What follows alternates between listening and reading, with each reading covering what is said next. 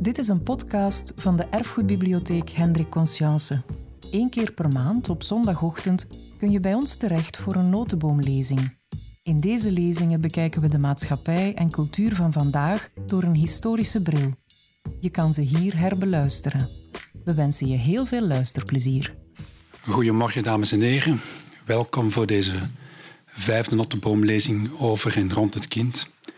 Even nog iets zeggen over de tentoonstelling hier in de bibliotheek. Die staat nog van de erfgoeddag. Eh, die gaat over zuur. Zuur gaat dan eigenlijk over de verzuring van papier. Dus de ergste vijand voor bibliotheken en, en archieven. Alles wat papier is, omdat dus een, een tijd lang papier is gemaakt met uh, houtpulp, waar, waar dan de zuurtegraad te groot is, waardoor het papier van, van, van, vanzelf eigenlijk vergaat. Dus dan weet je ook terug even waar u bent, in de Notteboomzaal. Um, we hebben een barre winter meegemaakt. Nu is het eigenlijk mooi, mooi weer, mei. In elke bloemlezing die je erop openslaat, hè, dan kun je eens morgen, mei en morgens vroeg was ik opgestaan, Jan Eenhertog van Brabant, of de mei had ik een bloemken in mijn hertje verkoren. Dus mei is toch een maand die ik niet, niet alleen ikzelf, maar ook dus in de bloemlezing wordt geassocieerd met de liefde, met de minne. Daarom ook vandaag Brigitte Minne in deze bibliotheek. Maar het gekke is dat ik eigenlijk Brigitte Minne, uh, de persoon Brigitte Minne, niet associeer met de meimaand, maar met de winter, met de, met de koude winter. En dat heeft alles te maken met de manier waarop ik Brigitte heb leren kennen. En dat is eigenlijk, uh, denk ik, ondertussen een drietal jaar geleden in de winter. Toen was ik uitgenodigd voor een benefietentoonstelling door het uh, Academisch Ziekenhuis in, in Ronsen. Um, dat, dus dat is die reeks rond um, Music for Life. En dan kwam het erop neer, om, want het werd een, een late, late nacht, om dan daar in de buurt ook een uh, overnachting te vinden. En zo zijn wij terechtgekomen in de fantastische bed and breakfast Huizen Minne. En zo is Ronse eigenlijk een beetje mijn tweede thuis geworden.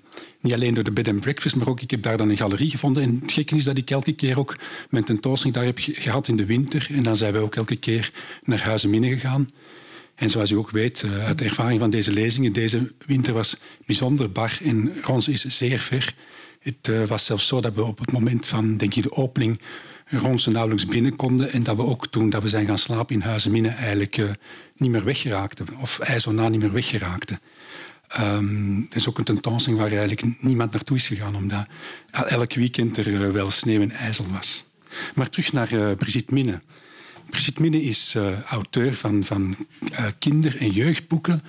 En als ik haar website mag geloven, ondertussen meer dan 200. Zij is ook een excellent vertelster. En wat ik ook absoluut niet mag vergeten, een ongelooflijke goede en fijne gastvrouw. Dat heb ik zelf mogen ondervinden in, in Huizen Minne. En zij is niet alleen natuurlijk gastvrouw geweest voor mij, maar voor vele andere mensen en onder andere ook van Panamarenko. Want aan het bed and breakfast is ook nog een, een theeschenkerij verbonden, waarop zondag en ik denk waarschijnlijk in de, in de zomermaanden ook nog wel op vele andere dagen thee en, taart wordt genuttigd. En een van de vaste klanten daar is Panamarenko. En zo is Brigitte in gesprek geraakt met Panamarenko over zijn jeugd. En vandaag is dan ook een, een boek ontstaan over de, de jeugd en de kinderjaren van Panamarenko. Um, ik ga nu het woord geven aan, aan Brigitte Midden. Dus zoals ik zei, excellente gastvrouw. En ik ben blij dat ik vandaag ook eens gastheer kan zijn. Ik dank u.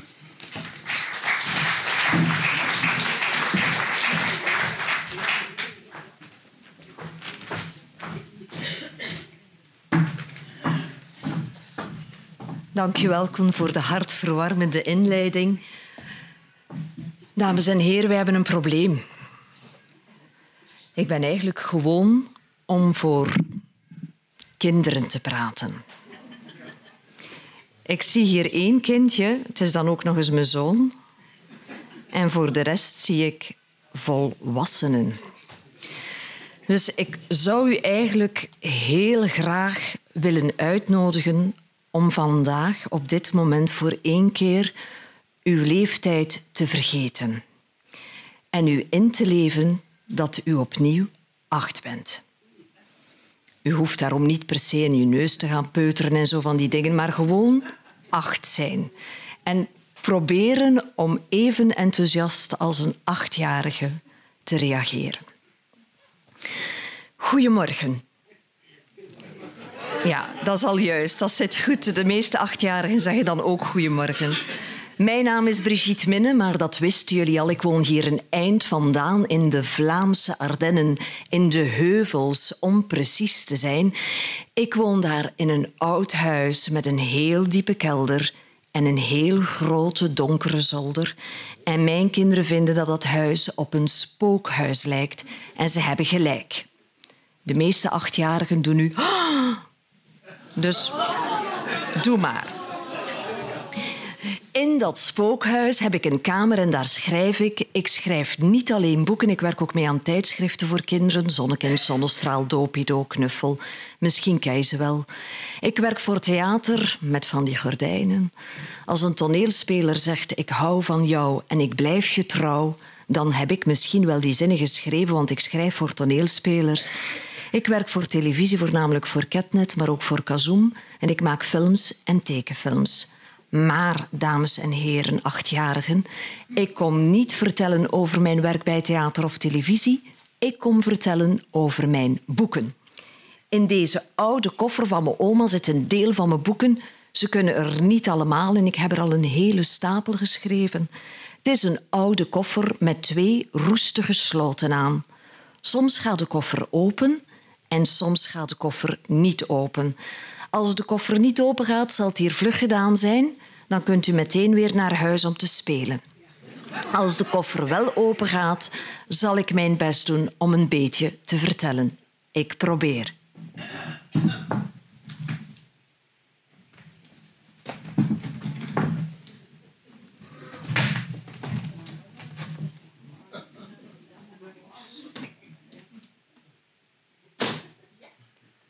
Eén slot is al open. Dat is goed nieuws. Nu nog het tweede. Het zal hier vlug gedaan zijn. Oh.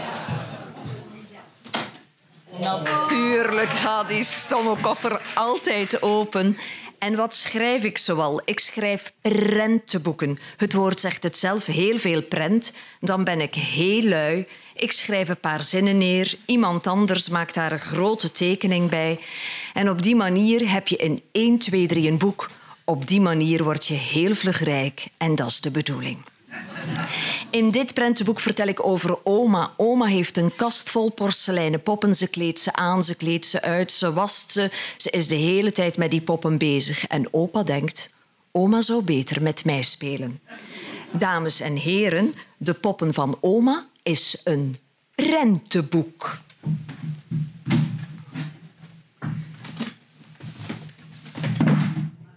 Komt allemaal goed. Pieter is een vogelverschrikker en hij moet de vogels wegjagen. Maar hij vindt ze juist heel erg lief. Ze mogen in zijn hoed wonen. Ze mogen in zijn jaszak een huisje bouwen, een nestje bouwen. De boer is helemaal niet blij met Pieter. Hij gooit hem in de beek, hij valt uiteen. Maar de vogeltjes zijn hem niet vergeten. Ze puzzelen in hem, hem in elkaar en ze gaan vliegen. Dames en heren achtjarigen, Pieter en de Vogels is ook een prentenboek. Uitstekend. Rood, geel, zwart, wit zijn vier kinderen. Ze spelen altijd samen, maar het is niet leuk meer, want rood speelt altijd de. Zeer goed. Rood, geel, zwart, wit is ook een. Uitstekend. Daantje Traantje is een jongetje en hij huilt de hele tijd. En op een dag huilt hij een vijver bij elkaar. En in die vijver komen dieren wonen, maar die dieren zijn helemaal niet leuk. Ze pesten hem. Daantje Traantje is ook een...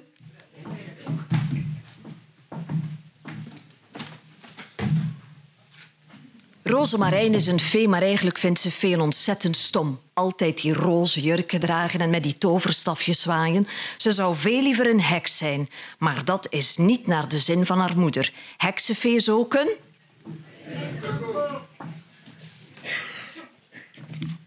Marieke heeft een dikke bril op haar neus en ze heeft geen tanden in haar mond. En haar papa zegt de hele tijd: Mijn prinses.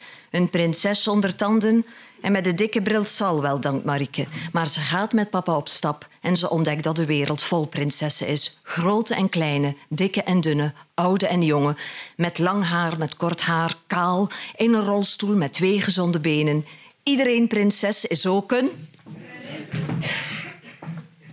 Mannetje en vrouwtje krijgen een kind. En hoe ze daaraan beginnen, gaan we hier niet uitleggen. Dat is niks voor achtjarigen. Mannetje en vrouwtje krijgen een kind is ook een. Ach ja, leeuw, oude leeuw, oude hond, lieve hond, maar er komt een pup bij en leeuw is helemaal niet blij. Leeuw is ook een. Spookje boe is een. Sinterklaas luie baas. Snuf en kato. Groot genoeg voor een knuffel. Slaap lekker, Rosalie. Geheim van de verdwenen sokken. En zo kunnen we de hele ochtend doorgaan, maar we gaan dat niet doen. Ik schrijf ook voor spuwers. Spuwers zijn kinderen die meestal in het eerste leerjaar zitten. Ze leren lezen en dat gaat zo. K, o, l, kool en dan een lachje. Het is gelukt. S, oep, soep. Een heel blad ligt vol spuug. Vandaar dat ik zeg dat ik ook voor spuwers schrijf.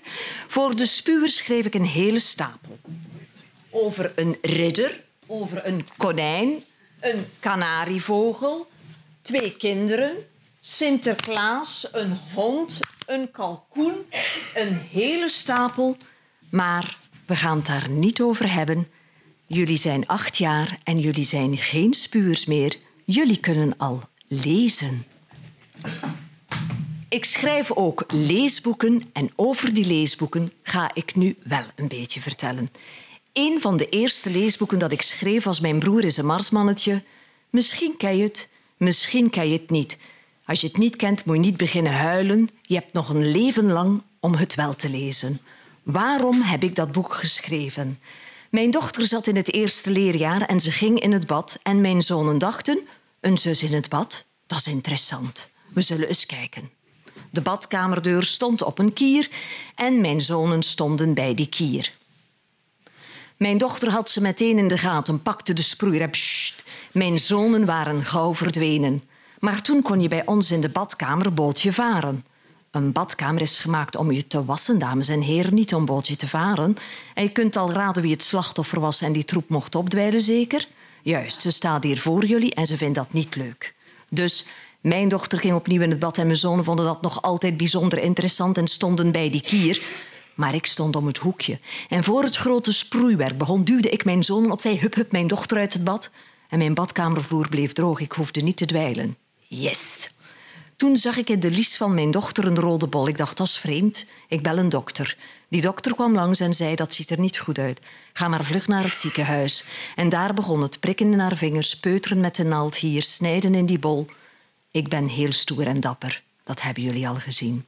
Maar als een dokter zijn tasje openklapt en ik zie daar een spuitje in, dan roep ik: pak me dan als je kan. Jee, en ik ben weg. En hij of zij kan me nooit pakken.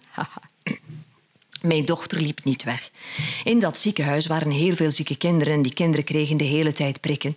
En ik vond ze zo dapper, ik dacht, ik schrijf een boek voor hen. En ik schreef Mijn broer is een marsmannetje. Het is het verhaal van een tweeling, een jongen en een meisje. Merel en Benjamin. Merel houdt van voetballen, klimt in bomen. Benjamin is een rustige jongen. Hij speelt met poppen. Nu, dat zint Merel niet. Ze wil een broer die van avontuur houdt, geen poppenspeler. Maar ze heeft een heel speciaal wapentje. Jullie wel bekend, achtjarigen. Ze pest haar broer. Ze stopt de spin in zijn pyjamabroek, kauwgom in zijn sok, ze bindt zijn veter aan de tafelpoot. Als hij dan rechtop staat, hup, het ontbijt op de vloer, dan is het weer feest in huis. En op een dag, mama komt thuis en vertelt dat Benjamin heel erg ziek is. Hij heeft leukemie. Dat is een moeilijk woord voor bloedkanker, dat weten jullie nog niet. Dus hij is heel erg ziek. En hoe Merel, die Robbedoes, daarmee omgaat, kan je zelf lezen als je zin hebt of als je tijd hebt. In Mijn broer is een marsmannetje. Ik neem interviews af voor televisie. Je kent dat wel, een interview? Dat is een moeilijk woord voor vraag en antwoord. Hoe heet je? Stijn. Waar kom je vandaan? Antwerpen. Heb je een zus? Ja, dat is bijvoorbeeld een interview. En ik had jongens en meisjes uitgenodigd. Alles stond klaar, een cameraploeg en een mooie stoel voor mijn genodigden. En de eerste genodigde was een meisje. Ik zei, ga maar zitten. Dank u. Ben jij een beetje boos? Ja. Op mij? Nee. Op iemand anders? Ja. Op wie? Mijn mama. Geen leuke mama? Toch wel. Boos op een leuke mama? Ja. En wat is er met je mama? Ze is verliefd. Zei ik. Dat is goed nieuws. Dan krijg je dubbel zakgeld. Dan danst ze door de kamer. Dan is ze vrolijk. Ja, het is goed nieuws. Ze is vrolijk, maar mijn mama is verliefd op een oude stoofpeer. Een oude stoofpeer, vroeg ik. Wat is dat dan? Die meneer, hij is dik, hij is kaal, hij heeft rimpels, lijkt mijn bompa wel. Oké, dacht ik, ik schrijf een boek voor dat meisje en ik schreef Mama is verliefd. Het is het verhaal van een meisje en haar mama wordt verliefd op een oude stoofpeer. Moet kunnen. Dat meisje was net buiten. Ik had ook een jongen uitgenodigd. Ik zei, kom maar binnen. Dank u. Ga maar zitten op de mooie stoel. Dank u. Bij Boos, ja. Op mij, nee. Op iemand anders, ja. Ik dacht, nog één met de verliefde moeder. Op wie? Op mijn vader en mijn moeder. Oei.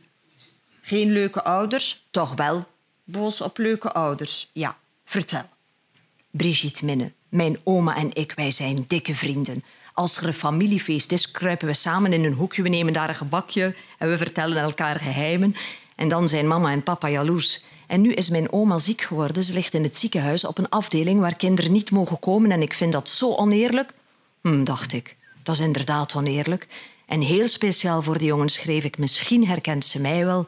Het is het waargebeurde verhaal van de jongen en zijn oma. Ze zijn dikke vrienden. Oma moet naar het ziekenhuis. Hij mag niet naar haar toe, maar hij spookt van alles uit om toch bij zijn oma te komen. Misschien herkent ze mij wel. Een spannend verhaal. Ik had nog een jongen uitgenodigd. Ik zei: Kom maar binnen. Dank u. Ga maar zitten op de mooie stoel. Dank u. Bij Boos? Ja. Op mij? Nee. Op iemand anders? Ja. Op wie? Op de wereld. Hm? Brigitte, mijn leven is erg saai. Dat is elke dag hetzelfde. Opstaan, eten, naar school gaan slapen. Opstaan, eten, naar school gaan slapen. Ik word er zot van. Oké, dacht ik, ik schrijf vlug een boek voor een jongen voor hij helemaal zot wordt. En ik schreef Emile. Het is het verhaal van een jongen. Zijn leven is super saai, elke dag hetzelfde liedje. Maar op een dag, zijn ouders kopen een boerderijtje op het platteland. Er zitten geen ramen in, er liggen overal steenbrokken. Er is een oude krakkemikkige trap om er naartoe te klauteren, naar een hooizolder. En die jongen zegt, ma en pa, zegt hij, mijn leven is zo saai bij jullie. Mag ik eens een nachtje helemaal alleen in mijn slaapzak op die hooizolder? Maar ja, zeggen zijn ouders, dat is goed. En die jongen ligt daar, het is midden in de nacht, het is donker. En in dat hooi gaat het van ritsel, ritsel, ritsel. Oh, denkt hij een spin. Ben niet bang voor spinnen. Ritsel, ritsel, ritsel. Dat is luid voor een spin. Het zal een muis zijn, zeker. Ben niet bang voor muizen. Ritsel, ritsel, ritsel. Dat is luid voor een muis, tenzij dat die muis een meter lang is. Het leven van deze jonge man is na het nachtje op de hooizolder nooit meer saai geweest. Een spannend verhaal. Een griezelverhaal. Emile moet je lezen als achtjarige. Ik had nog jongen uitgenodigd. Ik zei, kom maar binnen. Dank je wel. Ga maar zitten op de grote stoel. Dank je wel. Een lach van oor naar oor. Ik dacht, oef, eindelijk. Een gelukkige jongeman. En ik vroeg aan hem, heb jij een zus? En toen keek hij op slag niet meer zo gelukkig. Hij zei, ja, ik heb een zus, maar ik had liever een hamster gehad. Sommige kinderen hebben broers en zussen, maar ze hebben daar niet om gevraagd. Vader en moeder hebben dat zo eventjes onder elkaar geregeld. En die arme kinderen zitten nu opgescheept met vervelende broers of zussen. Voor al deze slachtoffers heb ik een boek geschreven. Kobe en de Salamimannen. Het is het verhaal van Kobe. Hij wil dolgraag een broer. Een broer om mee te spelen en te fietsen en te voetballen. En hij doet er alles voor. Hij zeurt elke dag aan mama's hoofd. Ma, ik wil een broer. Ma, mag ik een broer? Ma, krijg ik een broer? En ma, zwijg jij met je broer. Hij schrijft een brief naar Sinterklaas. Ik wil een broer. Hij blaast in één adem de pluisjes van een paardenbloem. En weer diezelfde wens. Ik wil een broer. Hij gooit een muntstukje in een wensput. Ping! Ik wil een broer. En op een dag is het zover. Hij krijgt zijn broer. Oh, mensen, hij zal ermee voetballen en fietstochten maken. En ma komt naar huis met die broer. Zo'n jongetje. En het huilt alleen maar en het slaapt alleen maar en het eet alleen maar. Hm. En het stinkt alleen maar. En je kunt er inderdaad heel fijn mee voetballen. Als je het als voetbal gebruikt tenminste. En de hele familie krijgt een ziekte. Ze krijgen allemaal de landertjesziekte. Dat babytje heet Lander. Pa komt van zijn werk. Kobe, die grote jongen, ziet hij niet meer staan. Ah, Kobe, huiswerk gemaakt? Dag Landertje, kleine jongen van papa. Kijk, een autootje. Broem, broem. Oma komt op bezoek. Oh. Dag Kobe. Dag Landertje, klein voelke van omaatje. Lala. Drover. En dat spel duurt daar één jaar, twee jaar, drie jaar. Ondertussen is dat landertje een kleuter geworden en moet die arme Kobe zijn broertje ook nog eens meenemen naar de speeltuin op woensdagnamiddag. Leuk is dat. Hé, kom, we zijn weg. Stom kabouterventje. Mormel. Hm. Eventjes zijn oren opwarmen, want het is een beetje koud buiten. Maar in de speeltuin is er hoop. Daar zijn de salamimannen Salami-mannen zijn jongens van het middelbaar. Ze hebben een heel speciale hobby. Ze pesten kleuters en peuters. En dat kleine landertje komt in hun klauwen. Landertje, dans voor ons. Of we maken salami-worst van je. En Landertje danst. Geef hier je snoep of we maken salami-worst van je. Mijn laatste snoepje. En dan is de vraag, zal Kobe zijn broertje helpen? Of denkt hij, nee, laat die salami-mannen nog maar een beetje met mijn broertje spelen. Dat ziet er gezellig uit. Wie denkt hij zal hem helpen? Vingers.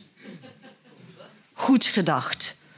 Hij verklaart de oorlog met waterkanonnen en waterpistolen en hij wint Kobe en de salami-mannen. Ik wilde een knijpspeld kopen. Dat is heel gemakkelijk. Zo'n plastic ding, zo in 1, 2, 3 heb je het haar uit je tanden. En ik vroeg aan een van mijn zonen, ga je mee naar de supermarkt zo'n speld halen? Hij zei, nee mama, ik ga voetballen. Ik zei, luister vriend, ga eerst mee met mama naar de supermarkt en dan breng ik je naar het voetbalveld. Nee, zei hij, ik ga nu voetballen. Als moeder heb je dan maar één keuze meer. Mee naar de supermarkt, zeg ik je. En deze jongeman ging met zijn moeder mee naar de supermarkt en dat zag er ongeveer zo uit. We liepen meteen naar de afdeling parfumerie. Daar hebben ze zeepshampoo en van die spelden. En ik had heel veel geluk. Er stond zo'n bak op vier pootjes met van die spelden aan de helft van de prijs. Dus ik dook meteen die bak in. En mijn zoon stond naast me. Zie me staan in de supermarktafdeling parfumerie en mijn vrienden zijn aan het voetballen. Spannend. Ik verveel me. Mijn moeder zegt altijd: Als je verveelt, moet je iets doen. Maar wat kan je hier doen in de supermarktafdeling parfumerie voetballen? Nee, je kan hier flesje ruiken, er staan er toch genoeg. Beuh. Maak op ze allemaal die spelden, ze zijn toch aan de helft van de prijs en dan kan ik meteen gaan voetballen. Maar ik had maar één speld nodig, dus ik bleef nog een beetje zoeken. En toen dacht mijn zoon, ik ga tube ruiken. Dat is ook leuk. Allee, topje eraf. Beetje knijpen. Hmm, zo'n klein gaatje kruikt niks. Nog een beetje knijpen eens goed knijpen. En ik stond hier, ik had net mijn speld gevonden. En wat hield mijn zoon in zijn handen? Veet gladde benen in vijf minuten. Sommige dames hebben last van haar op hun benen en ze vinden dat niet leuk en dan smeren ze daar zo'n stinkend zalfje op, dat vreet het haar weg. Maar ik stond met zo'n haarvreetmiddel op mijn hoofd. Zoals je ziet, dames en heren, achtjarigen. Hier staat ook wat haar. Mijn zoon stond naast me. Het was toch nog leuk in de supermarkt. In diezelfde week was ik op zoek naar een meisje om in een filmpje te spelen. En ik vroeg aan een meisje, Ellen heette ze, Ellen wil je in een film spelen? Nu, de meeste jonge mensen zeggen ja. En Ellen zei nee. En ik vroeg aan Ellen, maar waarom niet? Oh, ze zei, Brigitte, ik ben daar veel te verlegen voor. Kijk, in de klas, wij mogen alles een mopje te vertellen. Ik ken er ook wel een paar, maar ik durf mijn mopjes niet te vertellen omdat ik bang ben dat ze gaan lachen en niet met die mopjes, maar met mij. Hm. Op de speelplaats, kinderen doen een leuk spel, ik wil dolgraag meedoen, maar ik durf het niet te vragen. Ik sta daar tegen de muur te kijken, muurbloem. En ik vroeg aan Ellen, is dat leuk muurbloem zijn? Want zelf ben ik niet zo verlegen en dan weet je dat niet zo goed. Oh nee, zei ze, ik zou veel liever zo'n Pippi type zijn. Zo eentje dat van alles uitspookt. Maar ja, ik ben verlegen. Oké, dacht ik, ik schrijf een boek voor Ellen. En ik schreef wat de wind in Ellens oor fluisterde. Het is het verhaal van de meisje. Ze is super verlegen. Elke dag zit ze zo in de klas, heel klein. En op een dag zit ze zo in de klas. En ik heb er ook meteen het grapje van de supermarkt ingestopt. En de meeste mensen zeggen dan: Wat goed gevonden. Gevonden? Ik heb niks gevonden. Ik heb het meegemaakt. Amber is een meisje van jullie leeftijd. En ze wil dolgraag profvoetballer worden. Dat is niet gemakkelijk voor een meisje en zeker niet voor Amber, want haar mama is ziek. Niet ziek in haar benen, niet ziek in haar buik, ziek in haar hoofd, psychiatrisch ziek. Ze doet soms heel vreemde dingen. Gelukkig is er Nesten, een superleuke jongen. Hij helpt haar, hij coacht haar. En dankzij hem mag ze het jongenselftal vervoegen. Het verhaal van mevrouw Eekhoorn en alle andere dieren in mama's hoofd een aanrader. Ik was jarig, mijn zus kwam langs, ze had een pakje bij. En in dat pakje zat een pyjama met beertjes op. Dus ik natuurlijk meteen dezelfde avond mijn pyjama met beertjes op aan. De volgende dag ik sta op en ik bleef meteen aan de deurknop haperen. Zo'n scheur in mijn nieuwe pyjama, hip hip hoera. Ik loop naar de badkamer om mijn tanden te poetsen. Ik pak een tandenborstel en tandpasta. Oh. Nee, het zalfje van mijn zoon tegen puisten in plaats van tandpasta. Ik loop naar beneden bij de laatste treden van de trap, sla ik mijn voet om. Ik hink naar de keuken zoals een manke eend. Ik pak een kom en cornflakes, hup, de helft in mijn kom, de helft ernaast. Eventjes de melk pakken, klots, klots, klots op de vloer. Kijk je dat, zo'n dag? Je hebt de hele dag pech. Ik dacht, ik schrijf daar een boek over, Brigitte Pech. Maar ja, Brigitte Pech, dat klinkt ouderwets. Ik heb er Kaatje Pech van gemaakt. Het is het verhaal van een meisje. Ze heeft de hele tijd pech, maar door haar pech wordt ze beroemd. Zo zie je maar. Mijn baas, de uitgever, las Kaatje Pech en zei Brigitte Minne. Dat is humor. Schrijf nog eens zo'n verhaal en stop er Sinterklaas in. Oké, dacht ik. En ik schreef Sint wil vakantie. Het is het verhaal van Sinterklaas, oude man, heilige man. Ja, jullie kennen hem. Eet graag een beetje chocolade, speculoos, marsepein. Drinkt een beetje te veel wijn, wordt al maar dikker. En Zwarte Piet vindt dat Sinterklaas op dieet moet. Hij krijgt alleen nog sla en soep. Sla en soep, sla en soep tot het aan zijn neusgaatjes eruit komt. En op een dag, Sinterklaas is het beu, de heilige man, en hij bolt het af. Salut, Zwarte Piet. Gaat een paar pannenkoeken eten en ijsjes likken en een paar glaasjes drinken. En een beetje overmoedig loopt hij zo op straat en hij ontmoet daar een oude dame, een oma. En hij zegt, mevrouw, u ziet er goed uit. En wat vindt u van mij? Ja, die oma kijkt, zegt hij. Een beetje een ouderwetse Sinterklaas. Oei. Maar ze zegt, ik kan daar wel iets aan doen. In mijn jonge jaren was ik kapster. En voordat de Sint nog iets kan zeggen, ze mijter vliegt eraf. Hup, ze pakt een schaar. Tjak, tjak, tjak, tjak, tjak. Een scheerapparaat. En hij staat daar, zeg, met kale wangen en een kort kopje, potje gel, hanenkammetje. En ze zegt, nu maar je kleren uit. Wat belief, zegt de Sint, de heilige man. Allee, ik zal mij omdraaien. Ze draait zich om, de Sint doet zijn kleren uit. Ze heeft hem een leren jasje, een stoere t-shirt met een spin op sportschoenen, kousen. De Sint ziet er geweldig uit. En oma zegt, een beetje wilde oma, maar dat hadden jullie al door. En nu gaan we brommeren. Brommeren? Ja, ik heb een brommer. Hop, oma zit al op haar brommer en de Sint moet erachterop. Ja, de Sint is ook niet al. Daarvan achterop. Hop, oma zet aan. Hij lacht er bijna af, zeg. En ze zijn weg. Oma vooraan en de Sint achteraan. Die oma voelt wel heel zachtjes aan, zeg. En ze ruikt lekker. Hmm. Naar rozen en meiklokjes. Sint is een beetje... Zeer goed. Um, er is een huis en in dat huis wonen vader, moeder en zoon. Moeder maakt lawaai voor tien, ze is altijd vrolijk, ze zingt, ze danst. Vader en zoon, vader kunstenaar, zoon zijn stille mannen, ze zeggen niet veel. En op een dag, mama krijgt een verkeersongeluk, ze gaat dood. Ja, en die twee stille mannen blijven alleen achter. Nu, ze zeiden al niet veel, maar nu zeggen ze niks meer. Er is alleen stilte en verdriet in dat huis. Naast hen komt een meisje wonen met het Down-syndroom. Dat is een moeilijk woord voor een meisje. Ze is een beetje anders. Ze ziet er ook een beetje anders uit. Maar ze is heel vrolijk. Ze zingt, ze danst. En ze brengt die vrolijkheid van mama weer in dat huis van die stille mannen. En toen kwam Linde, is een verhaal waar ik bijzonder trots op ben.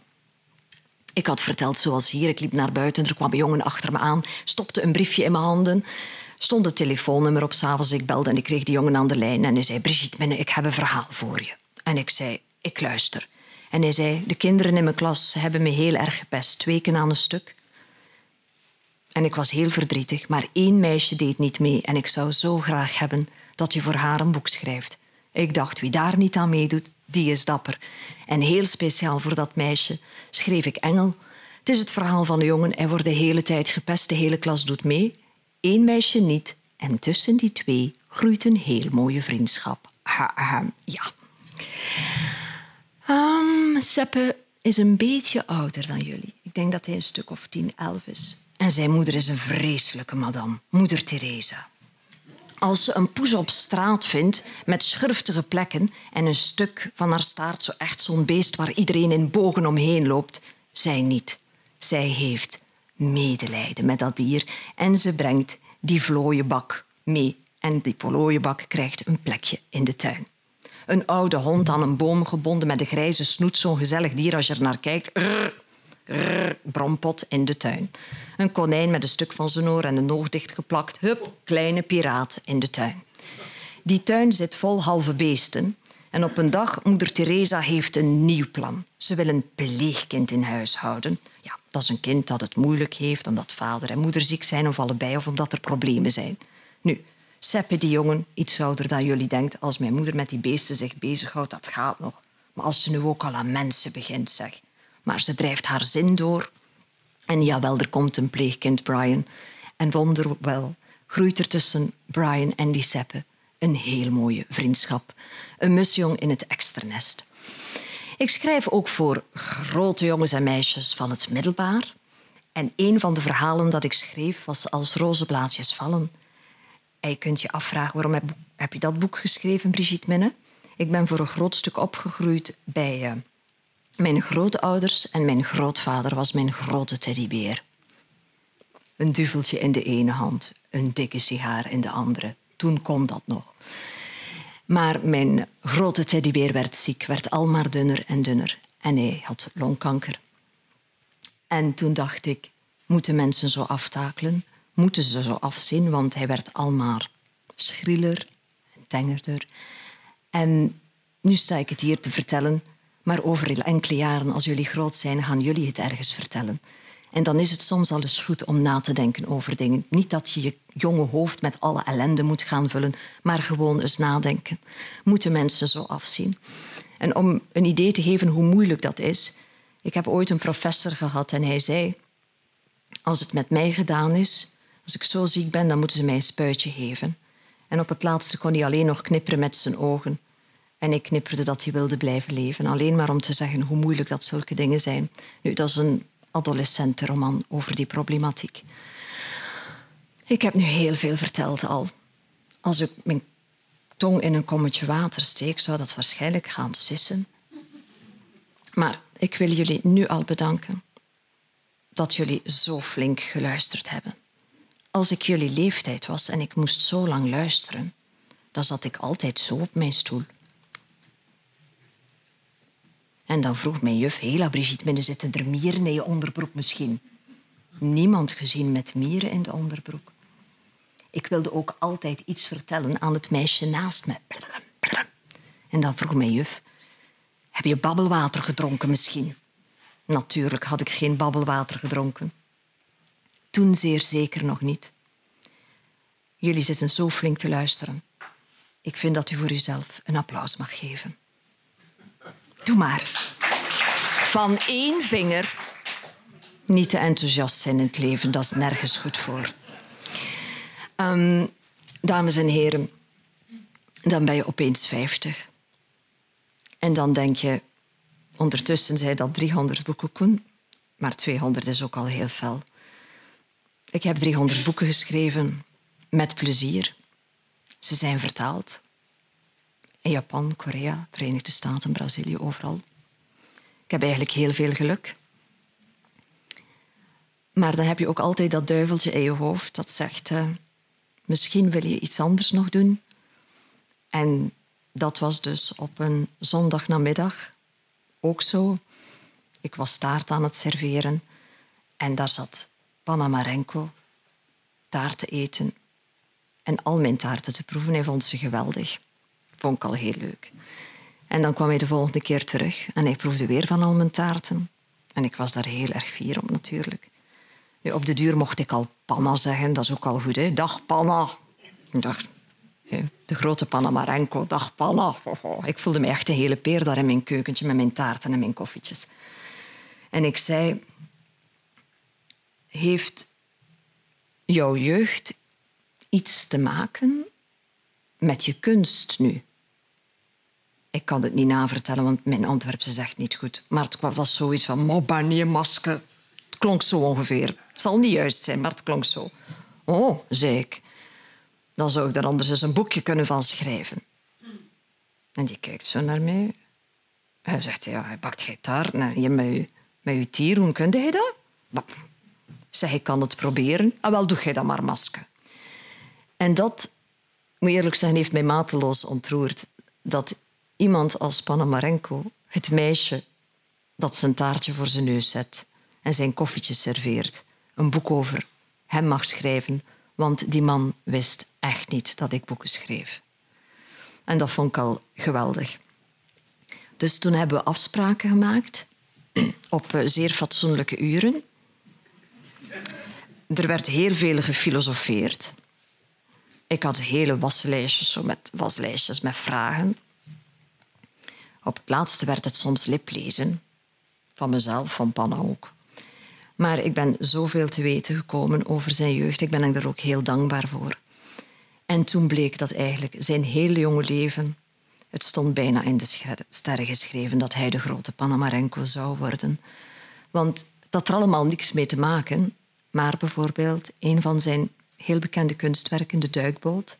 Nu, zijn vader werkte in de dokken, is opgepakt geweest, werd naar Duitsland gestuurd. En wat moest die man lassen? Hij was ook lasser. Duikboten. En eigenlijk bijna alles, maar dan ook alles van kunstwerken kon ik terugvinden in de heel veel verhalen die hij verteld heeft. Want dat is wel een zeer begenadigd verteller. De meeste mensen zeggen, oh, dat is wel een beetje stug man, zegt niet veel. Hij kan onwaarschijnlijk vertellen.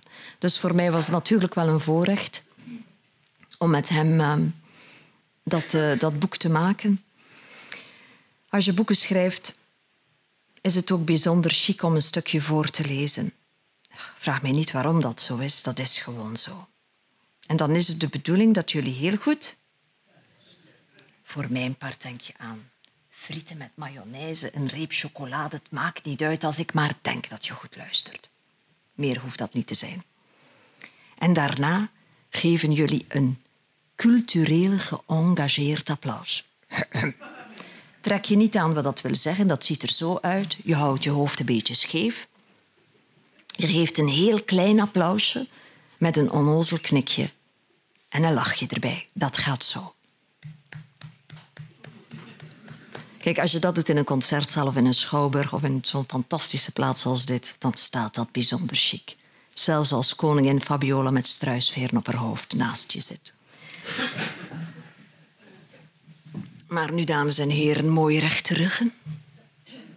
Een beetje je kleren in orde maken. Je haren fatsoeneren. Het is ook bijzonder in om een blosje van interesse op je wangen te hebben. Dat krijg je zo. Dames van om en bij de 50, doe geen moeite. Het gaat vanzelf.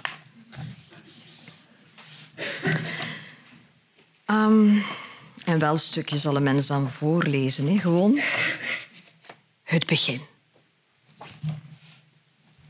Hendrikus hield vier zijn pasgeboren zoon Henri in de armen. Het was 5 februari 1940 en Hendrikus was al 34. Hij had lang moeten wachten op dit kind. Gij zijt geboren in een grootse stad, fluisterde hij zijn zoon toe. Een stad aan een stroom die leidt naar de zee en de oneindige oceaan. Die zal u, zoals elke Antwerpenaar, dwingen om ver te kijken. Hier meren boten aan met ratelende kettingen en kranen die koopwaren laden en lossen. Ze brengen verhalen en geuren van ver mee. Henri, ge zult worden ondergedompeld in die verte. Ge zult opgroeien in een stad met een historisch verleden. Hier is bezet en geplunderd. Brandstapels en chaos hebben hier geheerst. Maar Antwerpen herrijst altijd. Er wordt gefeest met fanfares en optochten met de grandeur van de Antwerpse seigneur. Je gaat opgroeien tussen krotten en torens, kunstenaars, charlatans en bourgeoisie. Het zal u een ruime blik op de wereld geven, Henri van Herwegen. Deze stad gaat u verrijken en wegduwen van kleinburgerlijkheid. Hortense, Henri's moeder, keek ongerust naar dat verfrommelde hoopje vlees en bloed. Wat gaan de mensen wel niet denken? vroeg ze zich af. Dat deed ze al 34 jaar. Haar hele leven zich afvragen wat de mensen wel niet moesten denken. En de mensen, dat waren vooral haar moeder, haar broers en zussen en die van haar man. Met haar moeder had ze niet zo'n nauwe band. Dat kwam door een tyrannieke stiefvader die de plaats van haar overleden man had ingenomen toen ze pas zeven jaar was, overleden. Maar de broers en zussen, Henri's tantes en onkels, zag ze wekelijks. En zo waren er tante Ma en onkel Jos die Henri met Sinterklaas met cadeautjes zouden overladen. En voor zijn twaalfde verjaardag zouden ze hem een vulpen geven met een inktreservoir dat niet kon bevriezen. Analfabisme, doorijsweer, het mocht Henri niet overkomen. En er was ook tante Elvire die zich in witte kant naar het altaar had laten tronen door onkel Jeff. Onkel Jeff wist het altijd beter. Hij was een opschepper en een vrouwenzot van Antwerpen tot in Parijs. Maar Hortense wilde geen kwaad woord over hem horen. Het was immers haar bloed-eigen broer. Nonkel Achille kon geweldig goed schelven zijn goede boter bakken. Hij bouwde klarinetten en zou er ooit een in onderdelen aan Henri cadeau doen, zodat hij hem zelf in elkaar kon knutselen. Die klarinet zou Henri later ombouwen tot een sterrenkijker. Zijn muzikaal talent reikte toch niet verder dan een klaaglijk getoeter dat door merg en been ging. En er waren ook nog tante Germaine, ach, nog zachter dan boter en te goed voor deze wereld, en tante Ida, die een slag van de molen had en in een instelling verbleef.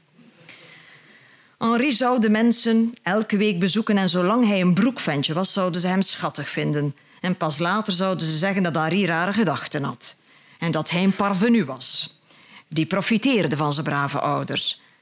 En daar zou Hortense vele slapeloze nachten aan overhouden. Henri verhuisde drie keer in zijn eerste drie levensjaren. Van de Korenbloemstraat in Wilrijk naar de Kattekensberg in Braschaat en uiteindelijk op zijn derde verjaardag naar Deurne. En hij zou daar op de benedenverdieping van de Frankenslijn blijven wonen tot hij van naam zou veranderen. En zo begint het. Um, dit stukje gaat verder. En ik heb eigenlijk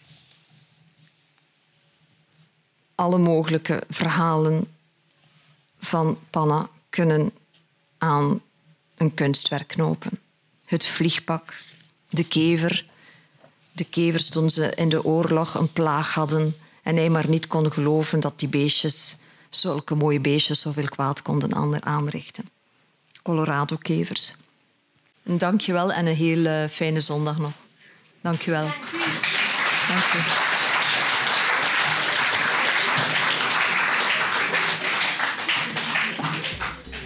Je luisterde naar een podcast van de Erfgoedbibliotheek Hendrik Conscience. Wil je nog een andere lezing beluisteren? Ga dan naar www.consciencebibliotheek.be-herbeluister.